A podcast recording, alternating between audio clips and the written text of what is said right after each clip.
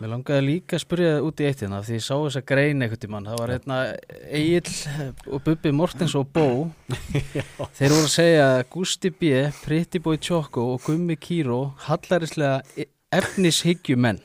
Hvað finnst þér um þegar þú ferði eitthvað svona frá einhverju svona mönnum? Já, svona mönnum Sko, ég, ég náttúrulega ber því líka virðingu fyrir Bubba Mhm. og, og ber mikla virðingu fyrir Akli líka Mhm. og hérna, þú veist, Egil er, er hérna uh, fréttamaður og, og, og á að skilja það að, að það sem er uh, út á við er ekki endilega það sem er svona inn á við Mhm. þannig að hérna að, að setja eitthvað svona frá sér er kannski svolítið bara úr takti Mhm. Já, og, og Bubbi náttúrulega sko uh, hérna indislu maður og duglugur er bara náttúrulega þjóðar eign Já, já. og þjóðar stolt okkar Íslendinga já, að hérna hann hefur kannski átt sín efnishyggju tímabil sjálfur Akkurat. og ætti Já. kannski ekki að, að kommenta svona opinberlega á svona hluti Mhm. mhm, uh, þannig að það er svona mitt álít og, og vera að setja Gustaf B. að því hann var að fá sér eitthvað úr og Já. eitthvað Já, svona. já, ég meina, veist 22 ára eða eitthvað Já. sko. já, veist, það er bara mistast hvar áhugin liggur, liggur Mhm. og ef einhver kaupi sér uh, veiði, ef að Bubbi er að kaupa sér veiði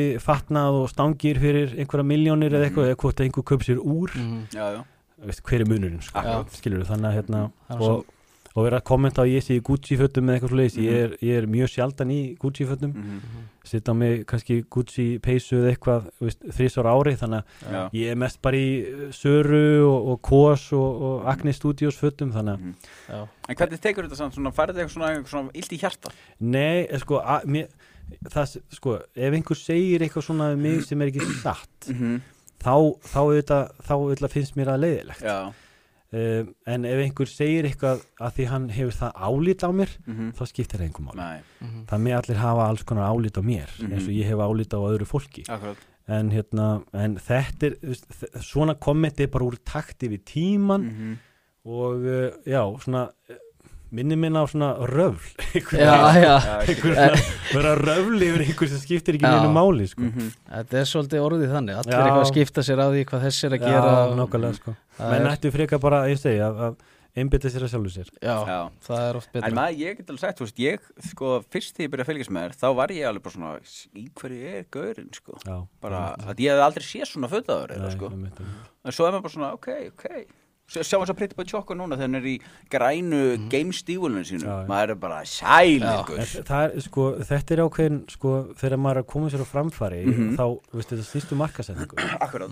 og eins og Pritti, eins og, hérna, Patti, hann er alltaf snillingur í markasetningu Rugglaður. þannig að sko af hverju er hann í þessu og af hverju er hann að byrta mynda þessu og hinn og af hverju Mhm. var ég rosalega mikið svona fötum til að Mhm. byrja með Já. það er ákveðin ástæði fyrir því Já. Ef ég legg mynda mér eða legg út mynda mér í þessu eða vídeo á þessu Mhm. eða hann er, veist, það er ástæði Já. fyrir því Mhm.